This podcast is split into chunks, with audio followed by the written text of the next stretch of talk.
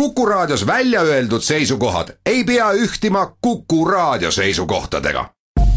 Te kuulate Kuku Raadiot.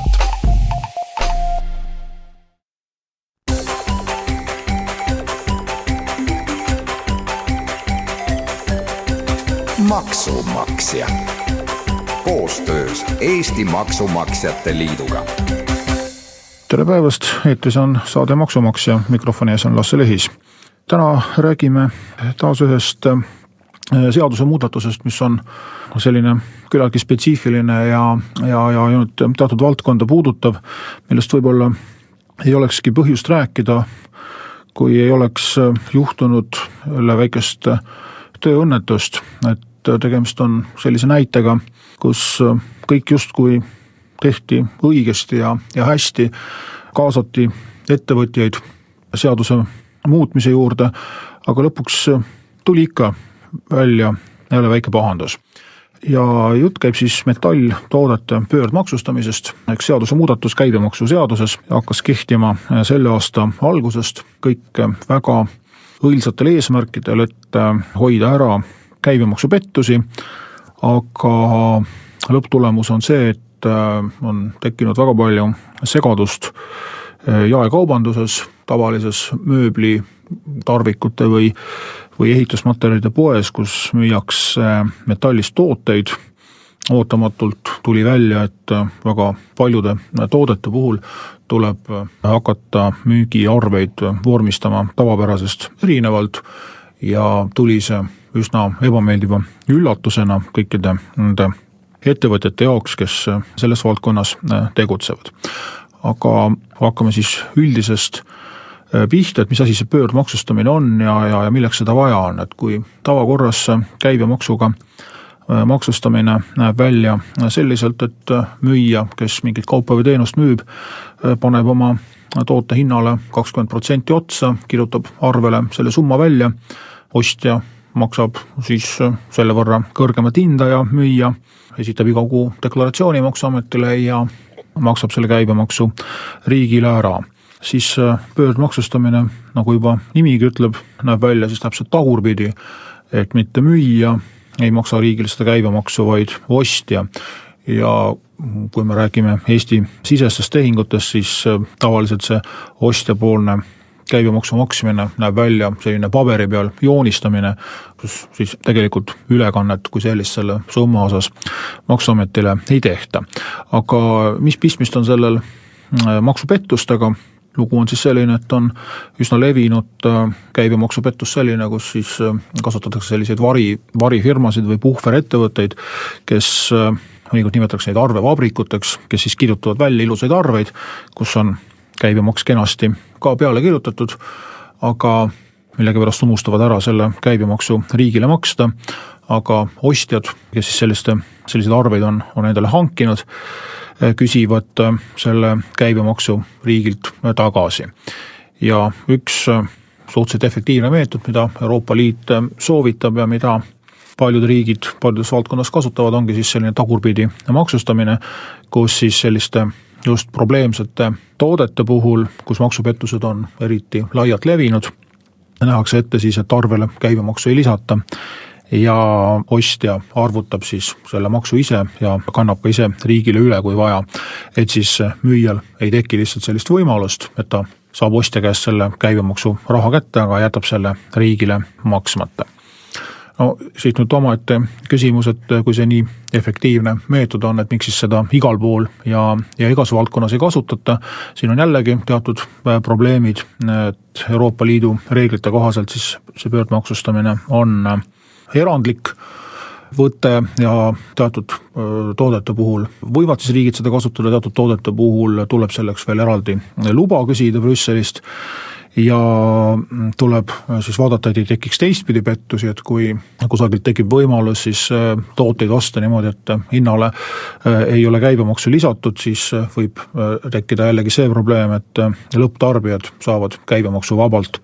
mingisuguseid tooteid endale kätte. nii et ähm, selline väga peen mäng, et kus ja millal seda pöördmaksustamist lubada ja siiamaani siis Eesti praktika pöördmaksustamise osas on olnud suhteliselt edukas. just sellepärast, et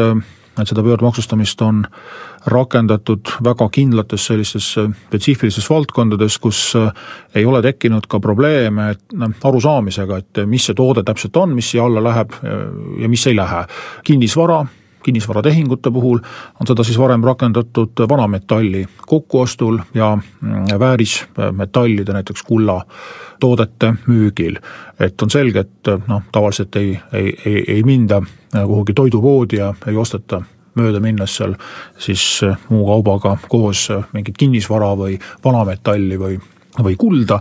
aga äh, nüüd siis see muudatus, mis kahe tuhande seitsmeteistkümnenda aasta alguses kehtima hakkas, täpselt sellise olukorra ongi kaasa toonud, et täiesti tavalise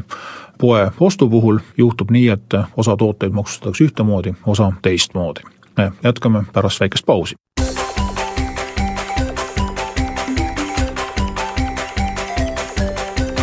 maksumaksja koostöös Eesti Maksumaksjate Liiduga saade Maksumaksja jätkab teemaks täna metalltoodete pöördmaksustamine eesmärgil hoida ära käibemaksupettusi. seaduse ettevalmistamine käis koostöös ehitusvaldkonna ettevõtjatega, kes kurtsid siis seda, et just ehitusmaterjalide turul tegutsevad sellised petturid, kes müüvad metalltooteid kasutavad selliseid äh, riiulifirmasid, kes jätavad käibemaksu riigile maksmata ja lõpptulemusena müüvad siis neid metalltooteid äh, käibemaksu võrra odavamalt, solgivad turgu ja tekitavad siis heaostsetele ostjatele probleeme valmistati ette siis seadusemuudatus, mille tulemusena metalltoodetele rakendub pöördmaksustamine, ehk siis käibemaksu maksab ostja, mitte müüja. ja kirjutati sinna siis terve rodu Äh, tolli nomenklatuuri koode, et tavainimene, kui ta nüüd seda seaduse teksti loeb, ei saa sellest tegelikult mitte midagi aru, seal on äh,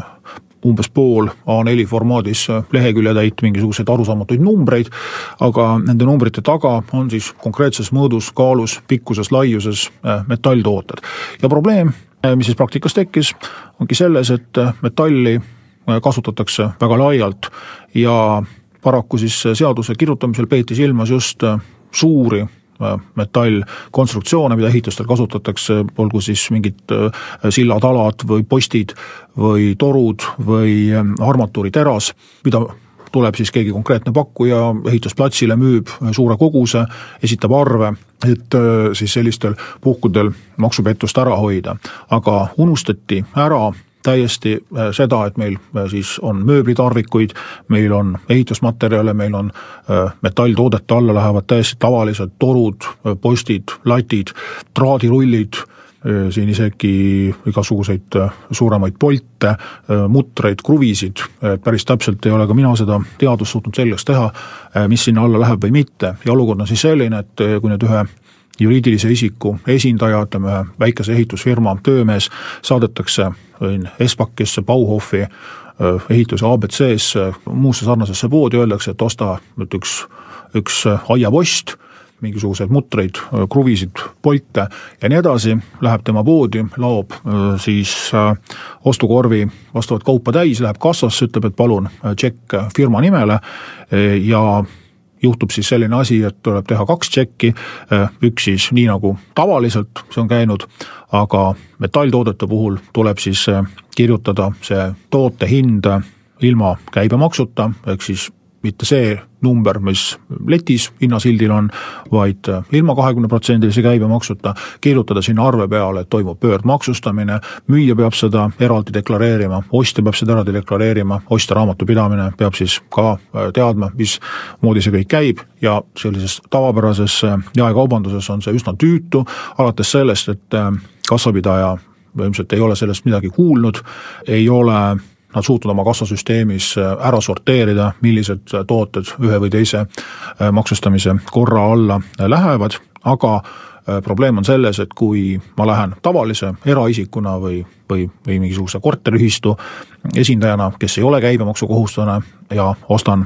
selle metallist toote, siis toimub kõik vanamoodi maksan hinna koos käibemaksuga. nii kui ma ütlen kassas, et ma esindan osaühingut X, Y, Z, kes on käibemaksukohustuslane, siis tuleb vajutada punast nuppu ja hakata seda arvet vormistama hoopis teistmoodi. ja see on asi, mille peale tundub, et selle seaduse ettevalmistamisel ei tuldud, sest igatahes meil on nüüd just siin enne aastavahetust ja pärast aastavahetust päris paljud liikmed selle hädaga tulnud, et nad peavad jubedalt palju lisatööd tegema, alates sellest, et kogu oma toodete nomenklatuuri, kellel on seal sada erinevat nimetust, kellel tuhat nimetust, erinevate mõõtude, kaaludega metallist igasuguseid vidinaid ja jubinaid maksma spetsiaalselt selle eest, et siis keegi tark inimene ära ütleks, mis, millise nii-öelda koodi alla äh, läheb ja siis äh, ka kõik oma müügitehingud vastavalt äh, vormistama. aga asi läheb veel keerulisemaks, kuna meil on ehituspoodidesse ilmunud ka iseteeninduskassad ja seal on täiesti võimatu tegelikult seda pöördmaksustamist rakendada, aga iseenesest seadus ei keela, et kui mina ehitusfirma esindajana lähen ja ostan ühe metalltoru, lähen iseteeninduskassasse, lasen sealt välja trükkida tšeki, kus on käibemaks peal, viin selle tšeki oma raamatupidamisse, siis äh, on seaduse järgi õigus raamatupidamisel siis meie ehitusfirma nimi sinna tšekile ise peale kirjutada ja see käibemaks tavakorras maha arvata, aga samal ajal on meil käibemaksuseaduses teine paragrahv, mis ütleb, et metalltoodete puhul tuleb rakendada Äh, pöördmaksustamist, nii et äh, tegelikult äh, justkui nagu mitte milleski on tekkinud päris palju pahandust. mis siis oleks see mõistlik lahendus, noh esiteks noh arvatavasti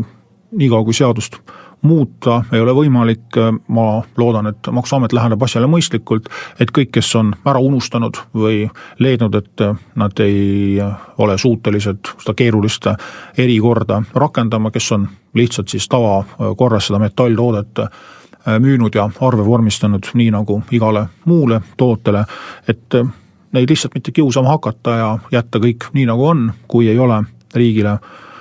makse maksmata jäetud, siis ei ole tegelikult mingit põhjust nõuda lihtsalt nende paberite ringi tegemist. see on nagu esimene lootus ja teine lootus on see, et, et ikkagi seadusse tehakse ringi ja kirjutatakse, noh, võib-olla kõige lihtsam variant on mingisugune summa, äh, millest alates seda erikorda peab rakendama, sest praegu on tõesti nii, et ma lähen ostan lihtsalt mingi ühe toru, mis maksab äh, võib-olla üks euro ja tuleb hakata äh, siis neid pabereid määrima ja kogu see protseduur ise, nende eraldi arvete vormistamine võt-, kulutab ilmselt rohkem, rohkem inimeste palka ja, ja tööaega, kui see toru ise väärt oli või see käibemaks, mis riik selle toru pealt teenib.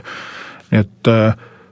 kokkuvõttes kõik justkui tehti õigesti, aga jällegi seaduse menetlemise käigus ei tuldud selle peale, et on üks grupp ettevõtjaid, kellele see seadusemuudatus oli väga vajalik, kes mitu aastat käisid ja palusid, et selline erisus tehtaks, aga et samal ajal on veel rida teisi ettevõtjaid, kellele see uus kord kohe üldse ei sobi ja ei tuldud lihtsalt selle peale, et ka neid kaasata, nende arvamust küsida, pean tunnistama, et ka meie Maksumaksjate Liidus ei osanud äh, seda probleemi ette näha, vaatasime ka suhteliselt lolli näoga neid, äh, neid numbreid, äh, mõtlesime, et kindlasti on keegi osanud seal välja selekteerida sellised suured ja vajalikud asjad, et mingisugust tavalist kruvi või polti keegi ei peaks pöördmaksustama, aga tuli välja, et me eksisime. et selline huvitav probleem siis, tänan teid kuulamast, kohtume uue teemaga järgmisel nädalal.